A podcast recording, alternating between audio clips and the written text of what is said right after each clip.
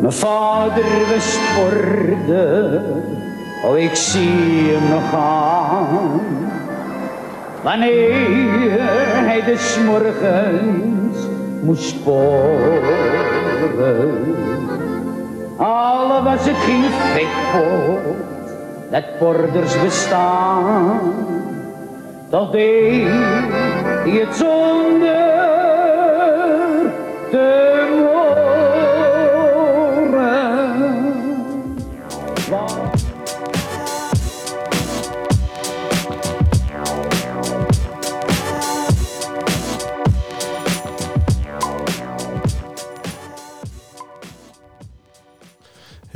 Vincent. Hey Jens. Zo, daar zijn we weer. Ja. En zijn we niet alleen? Nee, het uh, is ons niet gegund. nee, want er zitten twee mensen tegenover ons. Uh, onze vrienden van de, de, Dutch Historian komen weer langs. Vorig jaar uh, was Axel alleen, maar nu zijn ze met z'n tweeën. Dus het complete team is er. Um, en dat is wel fijn, want we gaan vandaag even wat anders doen. Dus kunnen we wel wat hulp gebruiken. Oh ja, gaan we het heel anders doen? Ja. Daar ben ik helemaal niet van op de hoogte. Nee. Nee, het is namelijk de maand van de geschiedenis. En straks komen jullie aan bod hoor. Ik zal straks jullie voorstellen. Maar ik dacht eerst even introduceren. Rustig, uh, Axel. Nee, het is de maand van de geschiedenis. En uh, het is eigenlijk het grootste geschiedenis-evenement uh, van Nederland. Honderden musea, bibliotheken, boekhandels, andere culturele instellingen brengen op een of andere manier aandacht voor het verleden, voor de geschiedenis. Door uit, uiteenlopende activiteiten. Dit jaar natuurlijk op locatie, maar ook online. Hè? Dat is een hybride vorm. Ja. En dit jaar is het thema aan het werk. En uh, we dachten, misschien is het leuk om, uh, om daar eens een keer iets mee te gaan doen. Dus we willen graag vier uh, vergeten beroepen een beetje uh, extra aandacht geven. En dat komt mede ook door de, de Dutch Historian. Want welkom jongens, welkom dat jullie er zijn, leuk. Hartstikke bedankt. Net lekker gegeten hoorde ik, dus nu, nu zijn jullie helemaal klaar voor de podcast. Zeker. Kun je nog even kort uitleggen in twee regels wat jullie zijn. Vorig jaar zijn jullie namelijk ook geweest. Toen hebben we samen met jou zo'n aflevering opgenomen over uh, Graaf Willem II van Holland. We zijn nu een jaar verder. Ja, en 12.000 of meer dan 12.000 volgers verder. Kunnen jullie nog kort uitleggen wat nou de Dutch Historian precies is? Zeker. Ja, de Dutch Historian is een uh, Instagram-platform wat voornamelijk gaat over de Nederlandse geschiedenis. Dus we proberen alles wat we plaatsen, in ieder geval ook al is het maar een heel klein beetje, uh, dat het te maken heeft met Nederland. Uh, en op dit platform worden weetjes, verhalen, maar ook musea, boeken en, ja, en dergelijke besproken. dus dat eigenlijk. Interessant. Gaaf, gaaf. En Giel, wat is uh, jullie succes dan? Waarom je zo hard groeien? Heb je een idee, een enig idee van? Wat is de gouden formule? Ja, een beetje voor ons ook vooral hoor. jullie zijn ook hard gegroeid. Ja. ik, ik, denk dat de essentie vooral is dat, uh, dat alle uh, verhalen die wij plaatsen heel, heel, erg toegankelijk zijn voor een hele brede doelgroep. Mm -hmm. En um, het is natuurlijk, blijft ook social media, dus we willen ook zorgen dat mensen snel en goed een stukje geschiedenis meekrijgen. En ik denk dat ze dat ook de wow-factor moet hebben steeds, even Axel? Ja, ja, we hadden het er in de auto uh, dat we hierheen reden vanmiddag over. Uh, dat we, als wij zelf de wow-factor hebben, dan merken we dat onze volgers dat ook hebben. Dus we zijn eigenlijk bij elk verhaal op zoek om de wow-factor eruit te filteren en dat dan te plaatsen op onze Instagram. Ja, mooi. Goed om te horen. En vandaag uh, gaan we eigenlijk aan de hand van een van jullie posts, kwamen een beetje op het ideetje om iets te doen met, met vergeten beroepen.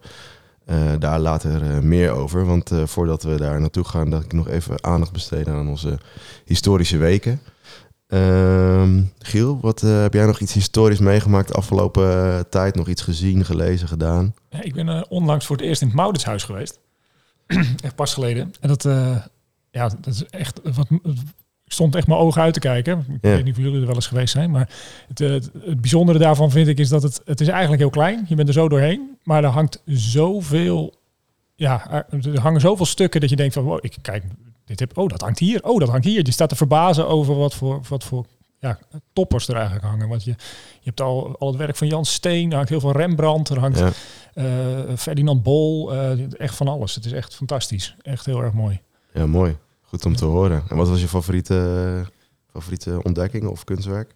Ja, ik denk, ja, ik denk toch wel uh, de, die stier van, uh, van wie was hij nou ook weer? Van Paulus Potter. Paulus Potter. Ja, dat is natuurlijk ook een topstuk, maar dat is zo groot. Als je, dat kan je alleen maar merken als je er sta, voor staat, ja. dat je ieder haartje van die koe sta je met je neus bovenop. Dat is Gaaf. echt fantastisch schilderij. Het is echt de moeite waard om daar een keer eh, heen te gaan.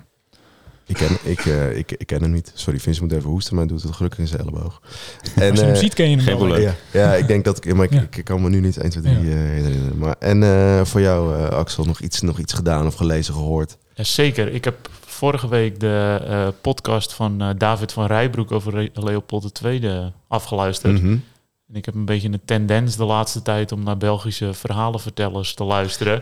Eerst de Bourgondiërs van Bart van Loo, toen de Revolutie, Uh-huh. Revolutie van eh, David van Rijbroek. En nu dus eh, de podcast van eh, Leopold II. Doet, die, doet die zachte G het heel goed voor jou? Ja, dat, op een of andere manier vind ik dat heel prettig om 's ochtends in de auto naar mijn werk te luisteren. Maar ja, het, het verbaasde me over, ja, natuurlijk weet je eh, wel wat. Je weet, ja, Leopold II, Congo. Maar voor de rest, omdat het Belgisch is, heb je daar niet heel erg veel van meegekregen in het leven. Dus het Nee. was wel een eh, verhelderende, verhelderende podcast. Dus een aanrader. Ja, en het is sowieso een heel gek verhaal. Toch die, die heel gek verhaal, ja. Ik heb, niet, ik heb niet de podcast geluisterd. Ik heb wel het boek eh, Congo gelezen van David van Rijbroek. En dan, ja, hij was gewoon eh, gek eigenlijk, die Leopold. Ja, hij had meer zin om in Congo eh, te be- besturen dan België. Ja. Daar komt het op neer. Ja, bizar. Hey eh, Vincent, en ehm, wij kwamen net achter dat we allebei dezelfde historische week hadden. Ja. Zijn dan toch nog steeds twee handen op één buik? Ja, wel weer een mea culpa van mij natuurlijk, want ik schrijf dat dan niet op. En jij schrijft dat keurig op in een draaiboek. Ja. Dat is eigenlijk twee fouten van mij. Ik schrijf het niet op en ik lees niet wat jij hebt opgeschreven. Maar goed, Nee, moet je nagaan. Want we, zijn, we hadden allebei opgeschreven dat er de, dus deze week ehm, de nieuwe vertaling van de Bijbel is uitgekomen. ja, dat ligt ons n- nader aan, aan het hart. En ik, vind dat, ik vond dat gewoon een heel mooi, eh, mooi ja, ik weet niet, een, mo- een mooi verhaal. Eh, in 2004 was de laatste Bijbelvertaling, vind ik helemaal niet zo heel lang geleden. Nee, dat viel me eigenlijk ook reuze mee. En ze hebben, Maar, het, eh, ze hebben het wat geüpdate en best wel op heftige, of heftige punten, maar op best wel op grote, er zijn best wel grote aanpassingen gedaan. En dieren toch, meen ik? Ja, Die- dieren inderdaad. Eh, daar is niet echt een duidelijke verklaring voor, maar sommige vogels zijn nu, wat was het nou? Sommige andere dieren zijn allemaal vogels geworden. Maar ja, je had bijvoorbeeld een, eh, een zwarte gier, die kwam er vaak in voor. Zo was het dan uiteindelijk vertaald, maar die kwam dan helemaal niet voor in de regio, in het Midden-Oosten. Dus dat kon dan de zwarte gier niet zijn. Dus hebben ze dan veranderd naar monniksgier, die daar wel voorkomt. Maar vervolgens was dan weer de vraag... Ja, maar in die tijd waren er eigenlijk ook nog geen monniken. Dus hoe, hoe ga je daar dan mee om met die vertaling? Maar goed, dat hebben ze dan uiteindelijk laten staan. Maar eh, ik ho- hoorde degene die hier al meegewerkt had ook op de radio... en die vertelde dat zo een beetje. Ik denk, ja, hoe, hoe ver kan je dan ook eh, hoe ver kan je gaan? En, eh, en de hoofdletter is weer teruggekomen. Ja, dus voor, voor het woord eh, hij en u. En, ja. Oh ja. En God en Jezus. Ja. ja en ik, de mooiste die ik vond was dat eh, eigenlijk is alle drank, eh, dus het, gewoon het woord drank, eh, is veranderd in bier. Want eh, de recentelijk historisch onderzoek heeft uitgewezen dat er in die tijd in Israël eh, gewoon heel best wel veel bier gedronken werd. Dus dan hebben ze alle drank nu maar bier genoemd. Ja, want stond dan wijn en veel drank. Ja, En vaak wijn is en het veel wijn en veel Ja. bier. Ja, Ja. nou dat is toch mooi dat dat toch... Misschien ook om een heel nieuw publiek aan te boren voor de Bijbel, geen idee. Nou ja, geen idee. En, er- en er was wel, er was ook enorm veel kritiek op. Dat wil ik nog even als laatste zeggen. Eh, bijvoorbeeld dominee van Nieuwpoort. Eh, die zegt eh, dat er een bepaalde correctie niet geslaagd is. Hmm. Ehm, want eh, bijvoorbeeld in Rut stond in 2004 nog... spreid toch je vleugels uit over je dienares. En dat is nu veranderd in... wilt u mij bij u nemen? En hij noemt dat maar een Claudia de Brij vertaling. Mag ik dan bij jou? Ja, ja. Hij zegt, je moet juist die poëzie laten staan. Het is nu veel te veel platgeslagen. Dus het is juist mooi om het zo, zo breed of abstract mogelijk te houden. Want dan kan iedereen het voor zichzelf invullen. En nu is het gewoon, mag ik u bij je nemen? Hm. Dat vond ik een leuk... eh, maar goed, snel door naar, eh, naar, naar onze beroepen. Eh, Ja. Voordat we hier te lang over een christelijk onderwerp gaan praten. Toch ons favoriete onderwerp stiekem. Maar ehm, wij dachten, het is, het is inderdaad de maand van geschiedenis. Het thema is dus aan het werk. Dus we dachten, laten we eens wat in, dieper induiken op verschillende historische beroepen. En jullie hadden bijvoorbeeld een, een post een pa- paar maanden terug, maar ook al een keer eerder over de, over de ijsdagen. Dat is zo'n beroep, die komt zo meteen langs. Ehm, en we doen het eigenlijk een beetje zo. Jij doet er één, ik doe er één en jullie doen er ook allebei eh, één. En daar praten we wat over verder. Dus we hebben een beetje, voor het eerst denk ik een soort heel duidelijke rode draad in het verhaal.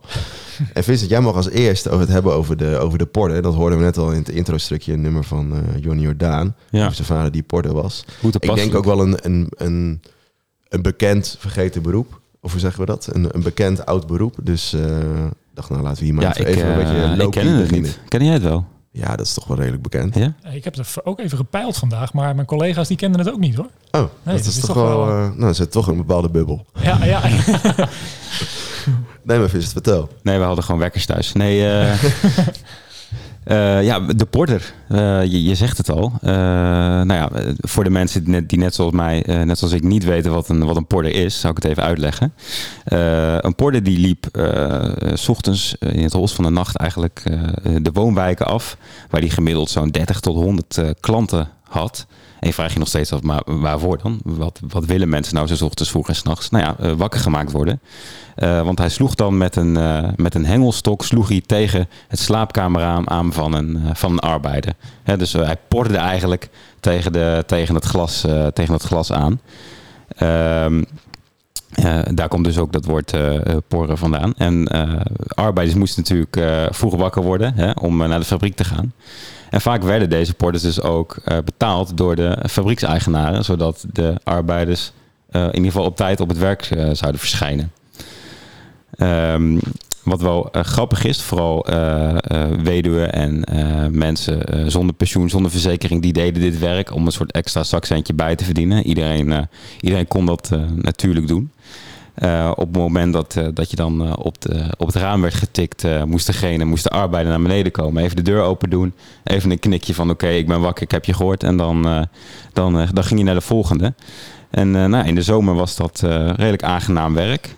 S Zwinters eh, uiteraard niet. Hè? Dan moest je s'nachts in de vrieskou moest je, moest je langs. Eh, eh, toen de porter een, een zelfstandig beroep werd, eh, wilde de porter vanzelfsprekend eh, dat alleen zijn klanten wakker werden. Dus dat was natuurlijk ook een dingetje. Je ging dus langs die huizen, maar je moest weer niet te hard tikken, zodat de buurman ook wakker werd. Want ja, die had er niet voor betaald.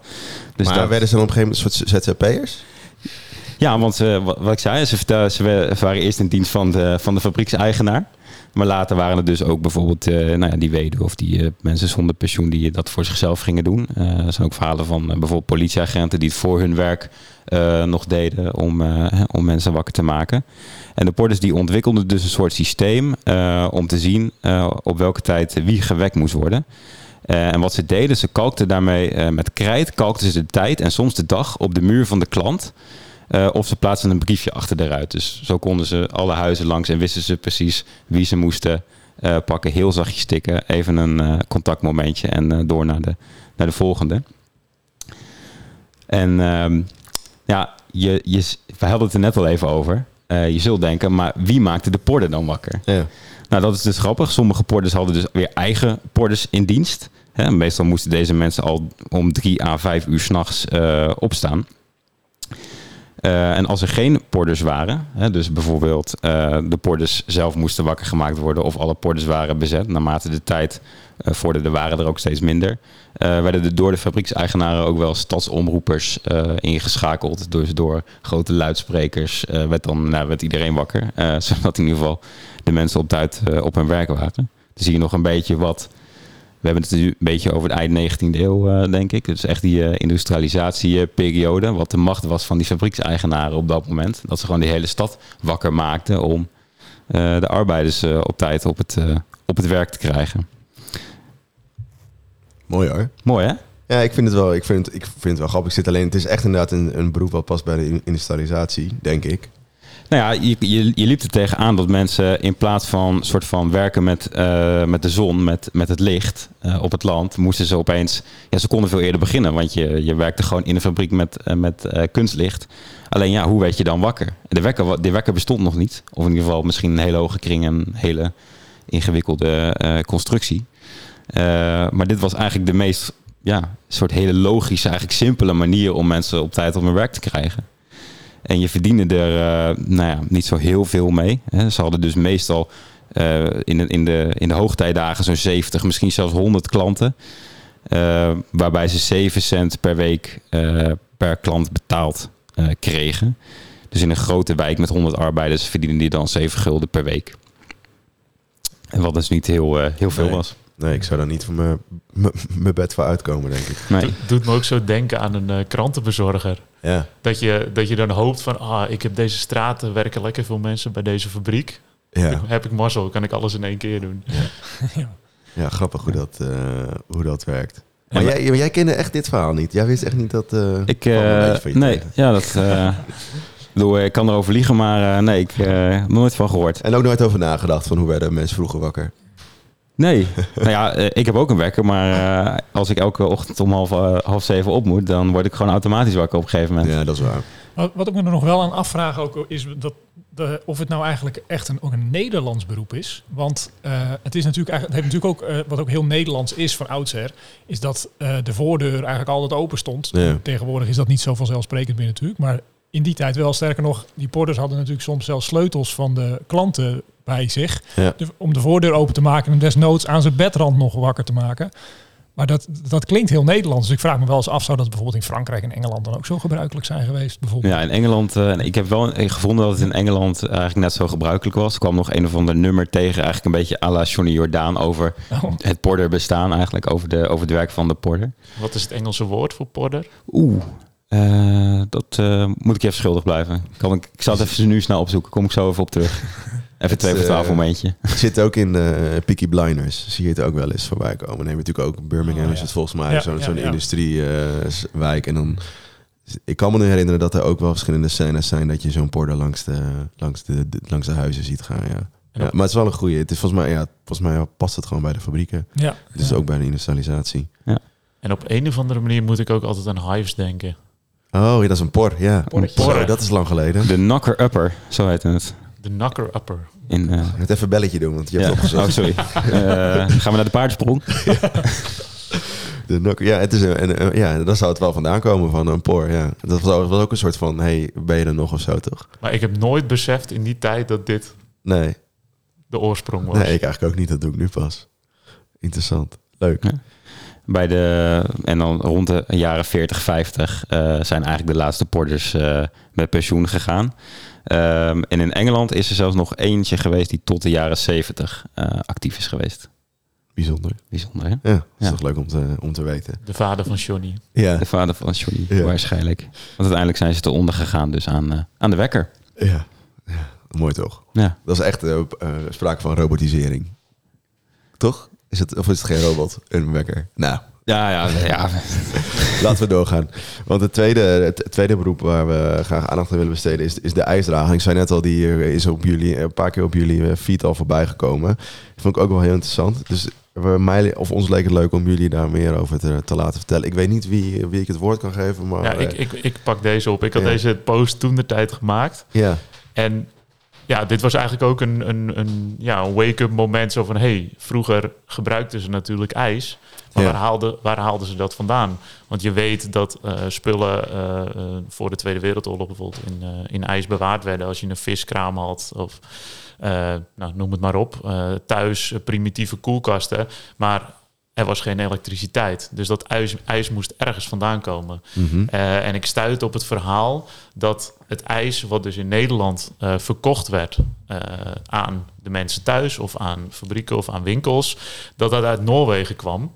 Ja. En dat verhaal dat, ja, is natuurlijk super interessant, want er waren dus bedrijven en mensen die dat dus distribueerden onder de bevolking en in de steden en in de dorpen. En in plaats van een, eh, een melkman die 's ochtends eh, langskwam, had je dus ijsdragers. En die ijsdragers, die, eh, je deed een bestelling en zij kwamen het ijs 's ochtends brengen, zodat je je spullen koud kon houden. Dan hadden ze een eh, ja, primitieve vriezer of koeling met veel isolatie, waar dus dat ijs zo lang mogelijk goed in bleef. Ja. Waar ze dus hun spullen, spullen bewaarden. En ik vond dat eh, het kostte volgens mij eh, voor eh, eh, 100 ton ijs betaalde je 20 gulden of iets dergelijks. En als je Mhm. het aan de man verkocht, was het voor een ijsbrood, noemden ze dat. Dus een plakkaat ijs betaalde je dan 20 cent uit mijn hoofd. Dus het was, ja, het was gewoon een verdienmodel uit Noorwegen verschepen hierheen. En, Ja. Maar hoe, hoe ging dat dan? Hoe, hoe, hoe laat je het niet smelten van Noorwegen naar hier? Dat, ja, dat gewoon in, in, in containers en boxen geïsoleerd. En dan ja. gewoon zo snel mogelijk. En, eh, ja, ja. en dus een constante stroom van, eh, van ijs wat hierheen komt. Ja. En het was natuurlijk in de zomer een stuk lastiger dan eh, als het hier ook eh, tegen het vriespunt was. ja. Ja, je, wat, ehm, eh, wat ik ook vond inderdaad, was dat in die, die soort van kisten werden gebouwd met dubbele eh, houten wanden, laat maar zeggen. En dan die waren dan bekleed met zink of tin. En daardoor bleef het in ieder geval een stukje kouder. Ja. Maar dat is, en dan zat er altijd nog wel een lekbak onder voor smeltwater. Dus er, zal vast wel rekening mee gehouden worden dat een gedeelte eh, smelt. ja, precies. Maar ja, het is echt... eh, Maar moet je dan ook bedenken wat de kwaliteit van het ijs was? Dat het al die tijd in dat tin heeft Ja. gezeten. En daar heb je dan vervolgens je, je verse voedsel op lopen koelen. ja, dat, dat eh, is, lijkt me ook niet heel over gezond. Nee, dat is, dat is, natuurlijk krijg je dat weer. Ja. Allemaal zware metalen. ja, ja. Ja. Lekker erin getrokken. Ja. En wat ik ook wel tof vond, en dat is als je die post die wij plaatsten op ons account bekijkt, is dat ze, ze, ze droegen natuurlijk handschoenen en ze hadden een soort van ijsgrijpers. Het waren hele lange staven die achter in een, eh, eh, in een karretje lagen, in een geïsoleerd karretje. En met zo'n haak haalden ze hem dan naar voren, zeg maar. Ja. En dan met ja, eh, speciale geïsoleerde handschoenen tilden ze het dan naar je, naar je voordeur. ja, bijzonder toch? Ja. De ijsman. Ja. En dan kon je het gewoon in je, dan kon je je vis en zo, je, je, je voedsel in bewaren. En op een gegeven moment kwamen er, las ik dan wel vanaf de 19e eeuw, kwamen echt ijsfabrieken ook in Nederland. Dus dat waren dan manieren om zelf ijs te maken. Waardoor het een beetje uit het straatbeeld, straatbeeld verdween. En na de Tweede Wereldoorlog was het eigenlijk helemaal klaar. Want er was gewoon elektriciteit en een koelkast en een vriezer. Ja. Dus dan waren ze eigenlijk ook eh, over, overbodig. Ja, en ik moest nog denken aan ehm, twee een paar weken terug hebben we een aflevering gemaakt over de kroondomein. En daar zit een Ja. ijskelder. Ja. En dat was ook een manier om de hele zomer bijvoorbeeld ijs te bewaren. Want dan hadden ze dus een, een, een kelder en daar was dan acht meter, eh, acht meter diep. Dus onder, eh, onder de grond, laten we zeggen. En daar kon je dan je ijs eh, bewaren in de zomertijd. Maar wat je dan leest over, het, over de ijskelder op het Kroondomein... is dat het, eh, de, de ijs werd gewoon uit de vijver gehaald. In de winter werd er uitgezaagd. En daar op die manier werd het, eh, werd het bewaard. Dus als je een zachte winter had, dan was er ook dus geen het ijs. zeggen. Ja. Dus dat was ook een, een, een dingetje. En dan die ijsblokken werden dan op balken gelegd en dan van elkaar gescheiden door zaagsel. Dus dat is ook weer zoiets met dat tin. Dan heb je allemaal zaagsel in je, in je ijs. Ik weet niet of dat ideaal is. Nou ja, ik vond het een bijzonder verhaal. Je had ook twee mooie afbeeldingen erbij van in Alkmaar volgens mij wat dan zo'n soort Ja. ijs, ijsfabriek of nog was of zo. Ja. Ja, dan zie je van hele grote blokken naar binnen worden, worden gesleept. Het is echt ook wel, eh, bijna een meter hoog, denk ik. Wat was dat? Echt grote fo- mooie foto's zijn dat. Ja. Ja, zeker. eh, IJsfabriek de Noordpool. Ja, Ja. Mooie naam. Mooi toch, ja. ja. Zeker eh, even naar kijken. We zullen de, de post ook in de, in de show notes zetten, zodat je dat eh, kan zien. En dan is het denk ik tijd voor de quiz. Want eh, dan hebben we daarna nog twee, eh, twee andere beroepen waar we wat verder op ingaan. Maar laten we eerst even lekker quizzen. Yes.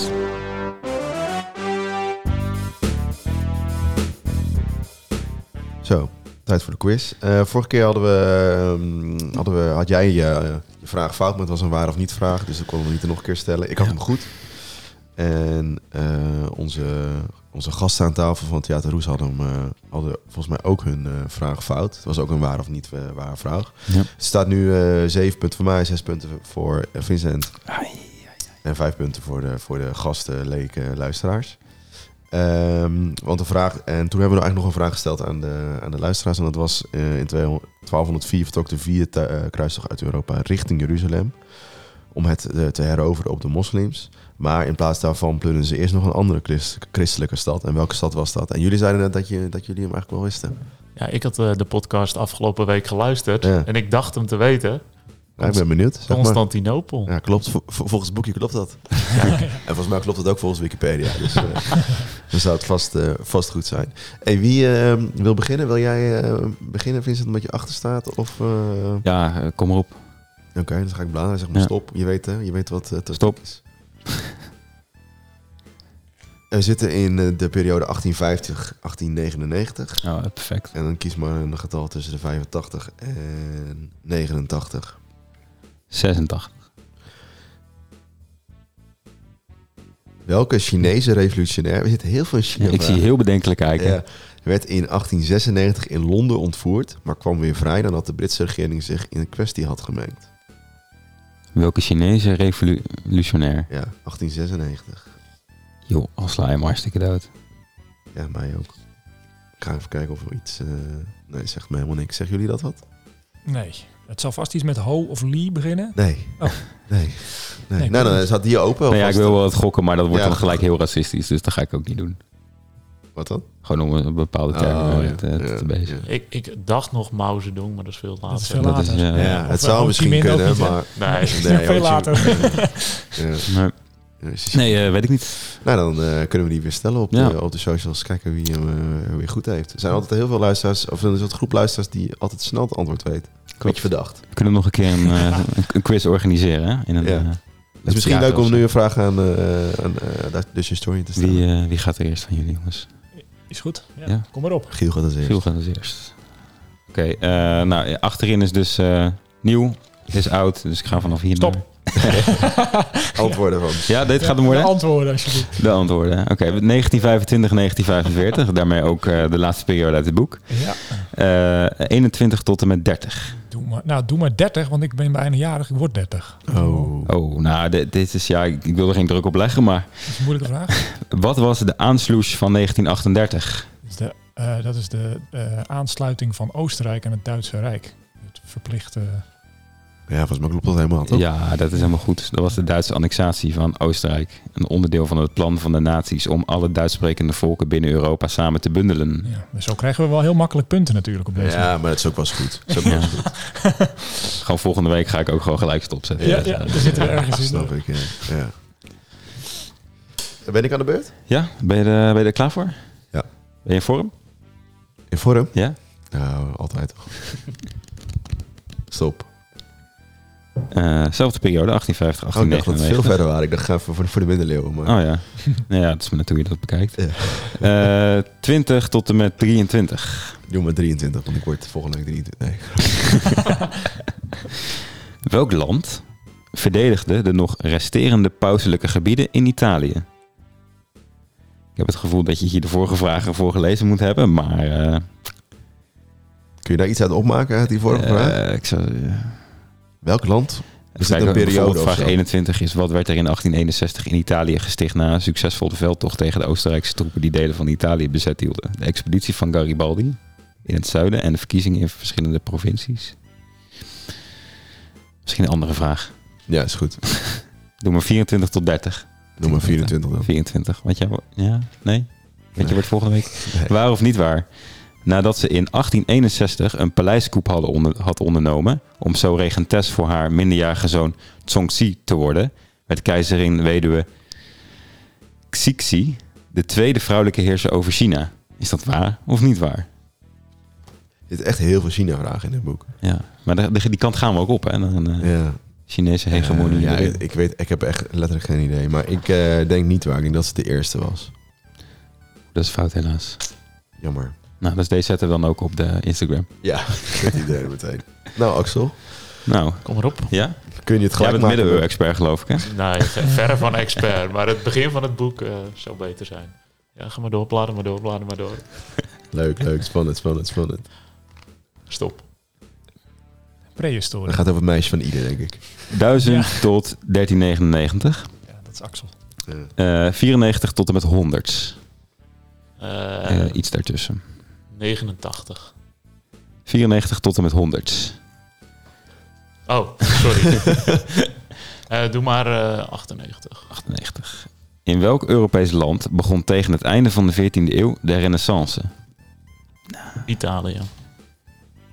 Ja, ik kan het opzoeken. Maar, eh, Wat een eh, geluk hebben jullie.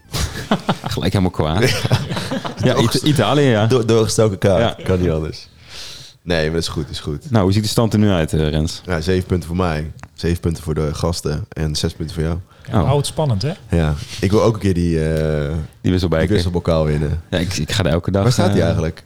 Hij staat eh, ergens op een hele belangrijke plek. In een museum. Ik, zag, ik was net in de, in de podcastkamer en daar stond hij niet. Volgens mij mij. staat hij daar wel. Oh, wel, oké. Ja. Oké, gelukkig. Ja, hij staat naast mijn bed. staat hij. Je, je, je, Geef ik hem elke dag een kus. Soms eet ik mijn muesli eruit. Oké, laten we snel doorgaan. eh. Ehm, want we gaan verder met een beroep aangedragen door jou, eh, Giel. En ik ken het echt niet en ik heb het nog opgezocht, maar eh, ik kwam in een soort eh, positieve rabbit hole terecht van, eh, van, van andere, andere beroepen. Maar eh, Ja, dat verbaast me eigenlijk ook niks. Want het, het is ook een, maar het is sowieso al een rare, rare titel. Garbuleerder. ja, en garbuleerde. Ja, ja, vertel me meer. ja, het is, ehm, het is sowieso een beroep uit de, uit de, eh, de Gouden Eeuw, zeg maar. Daar, komt het, daar stamt het eigenlijk van, eh, komt het uit vandaan. Echt, eh, het, he- het is VOC gerelateerd. Mhm. Ehm, wat de garbuleerder eigenlijk deed, was eh, zorgen dat alle onreinheden vooral uit droge waar werd gehaald. Ja. En dat eh, heeft eigenlijk van doen met, eh, eh, vooral met specerijen. Dus met, met, eh, met eh, dat was in die tijd natuurlijk heel veel waard. Dus het was heel belangrijk dat het ook allemaal rein was schoon was. Dat er geen blaadjes, geen schimmels, et cetera meer in zaten. En wat zij dus deden was controleren of, het er al, of de goederen er goed uitzagen. En ze moesten ze er ook uithalen. En om het nog erger te maken, ze moesten ook nog sommige specerijen op eh, grootte eh, sorteren. Dus als je bijvoorbeeld eh, bepaalde, je had bijvoorbeeld kruidnagels in allerlei verschillende maten, dan Ja. moesten ze zo zorgen dat er alle maten en kwaliteiten gescheiden werden. Dat, het, komt eigenlijk, het woord garbuleerder komt van garbuleur, wat een beetje Frans klinkt natuurlijk. Maar eh, dat stamt waarschijnlijk weer af van het Oud-Arabische garbiel, wat zeven betekent. Dus zeefde eigenlijk de, de onreinheden eruit.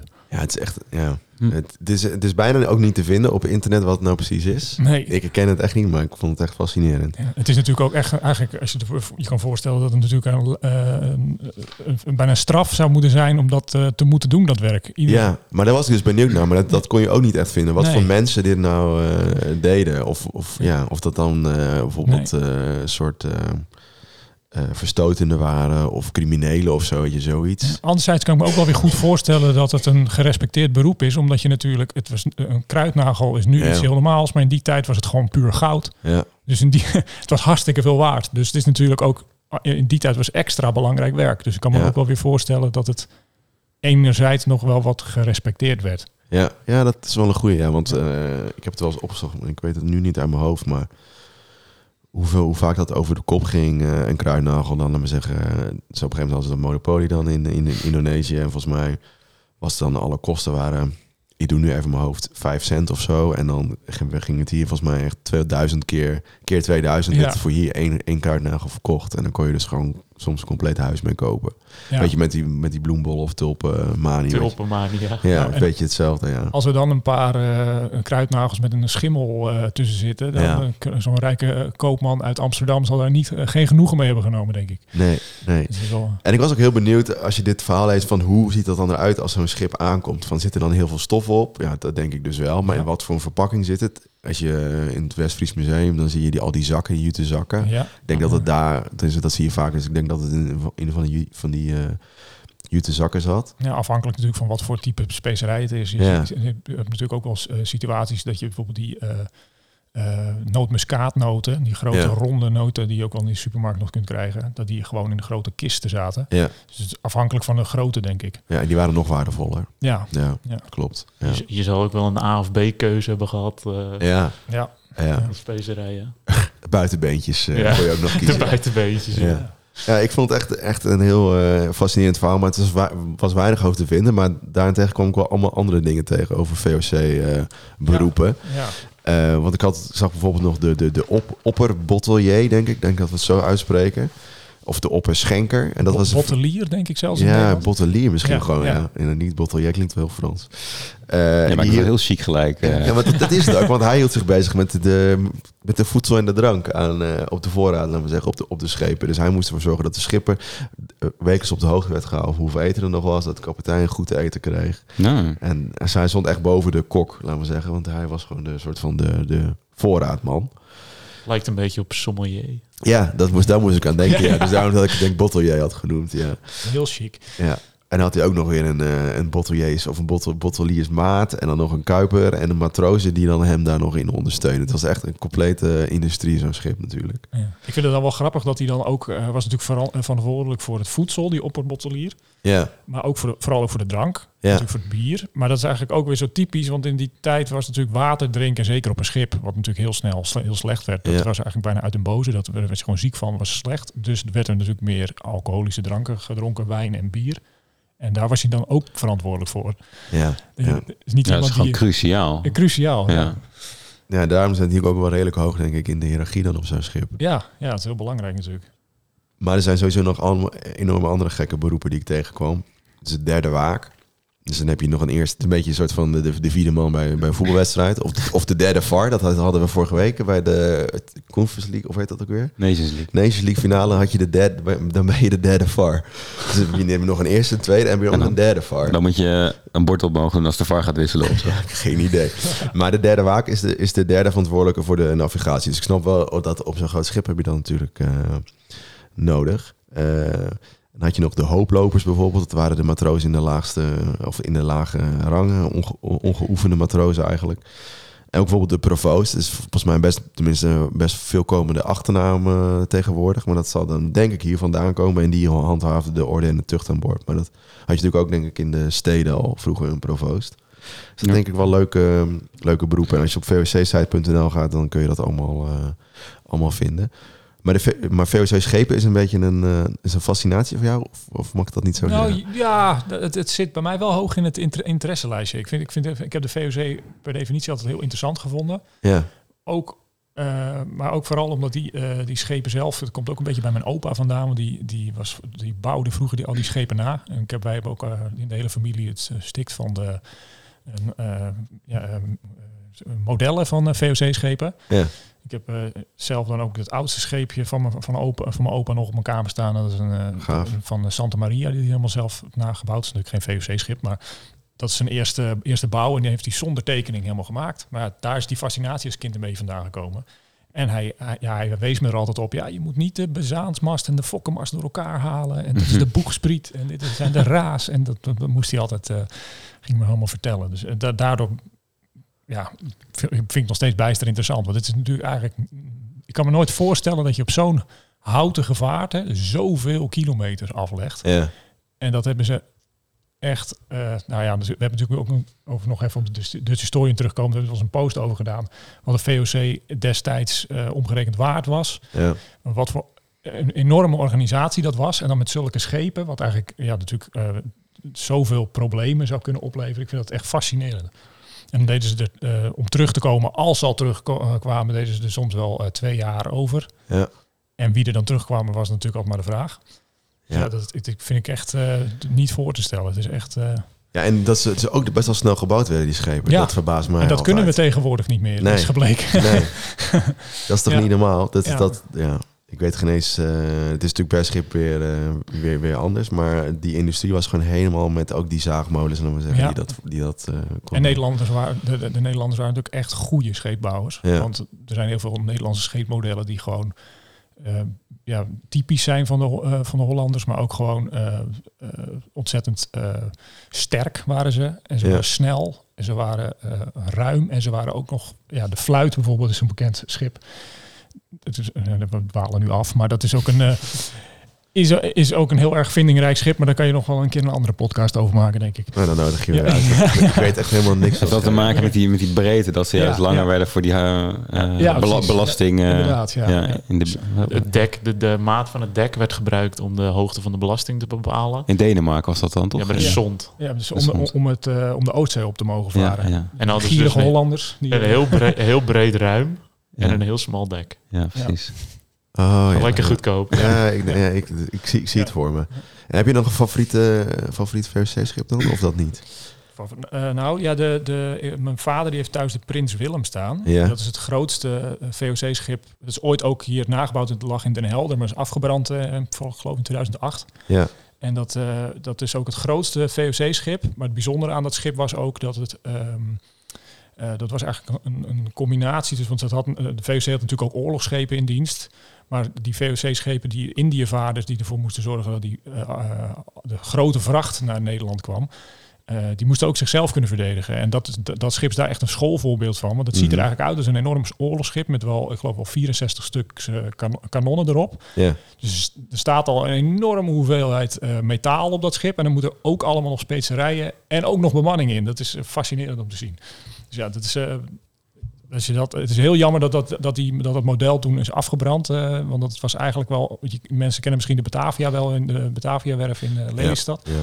Maar eh, die was eigenlijk nog mooier. Dat is eigenlijk En die, is die Batavia is die op, op schaal of op grootte? Of is die, klopt die helemaal? volgens voor zover ik weet wel. Ja, Maar- toch? Ja. ja, die is echt ook al, vind ik al heel groot. Ja, zeker. Maar de, de Prins Willem die was, is nog bijna dubbel zo lang geweest. Ja, Dus ja. Ja.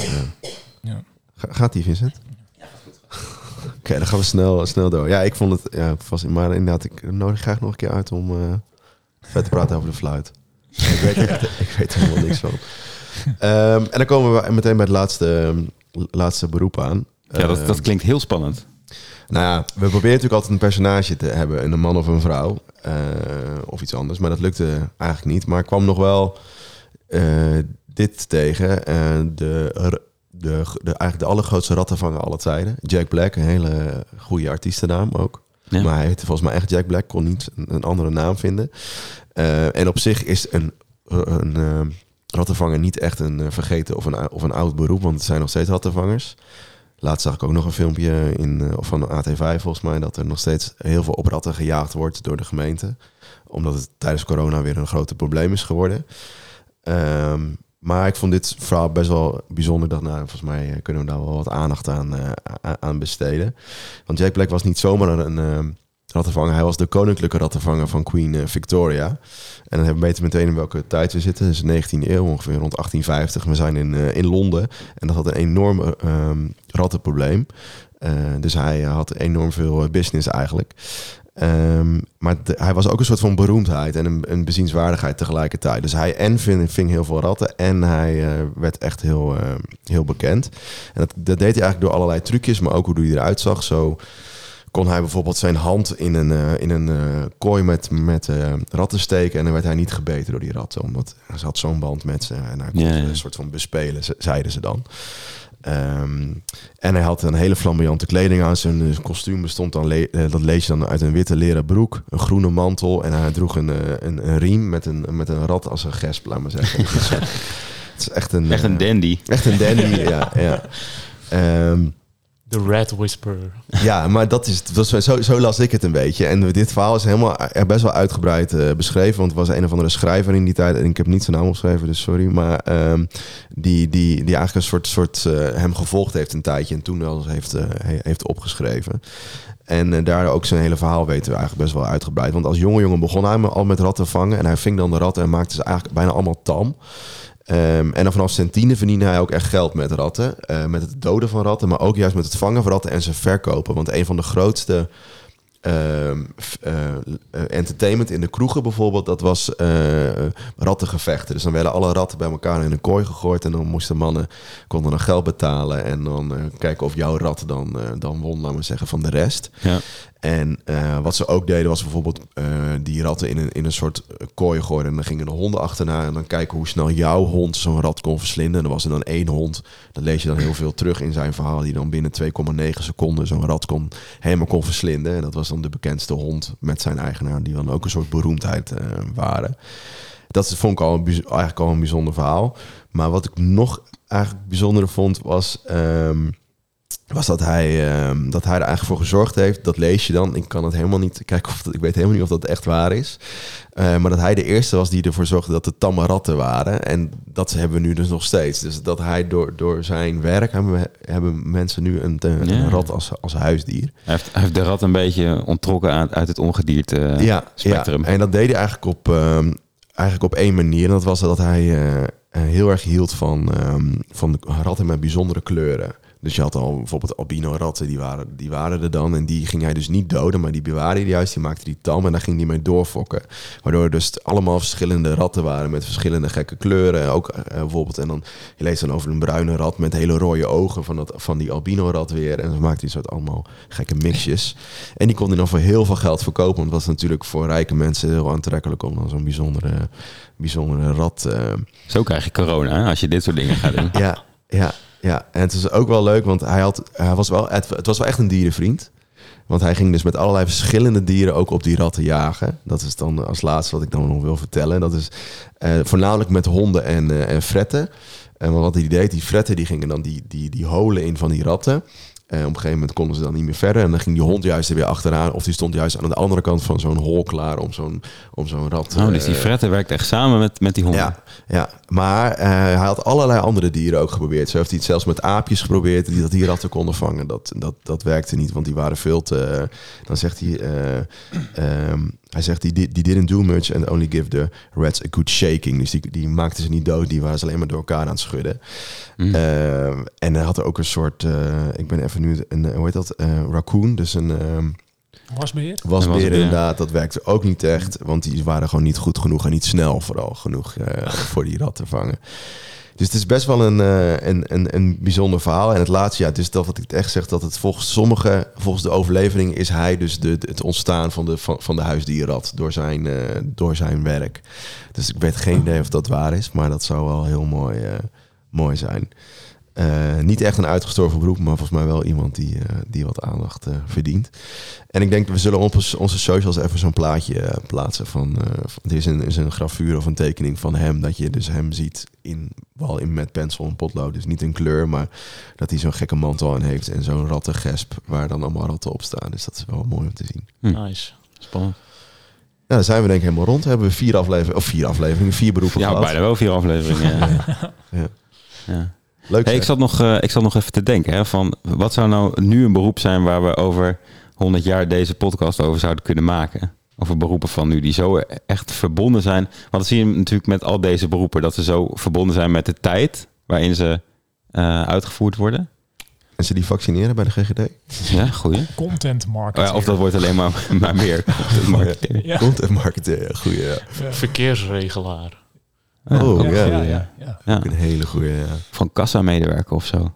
Ja. Ja, allemaal zelfscan. eh ja Maar dat je denkt van ja, waarom had dat dat? Dat kan me voorstellen dat je dan over 100 jaar denkt van wat was dat voor een nutteloos beroep of zo? Want dat kan, dat hoeft toch, dat heb je toch niet nodig? Of influencer.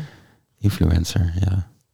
Is ook echt iets van nu natuurlijk. Maar Ja. de vraag of je over 100 jaar nog steeds influencers nodig hebt. Ja. maar aan de andere kant heb je al, al, altijd al influencers gehad. Misschien was Jack Black ook wel een soort influencer. Rat, ja, eh, van zijn tijd. Ja. Ja. Van la lettre. ja, ja.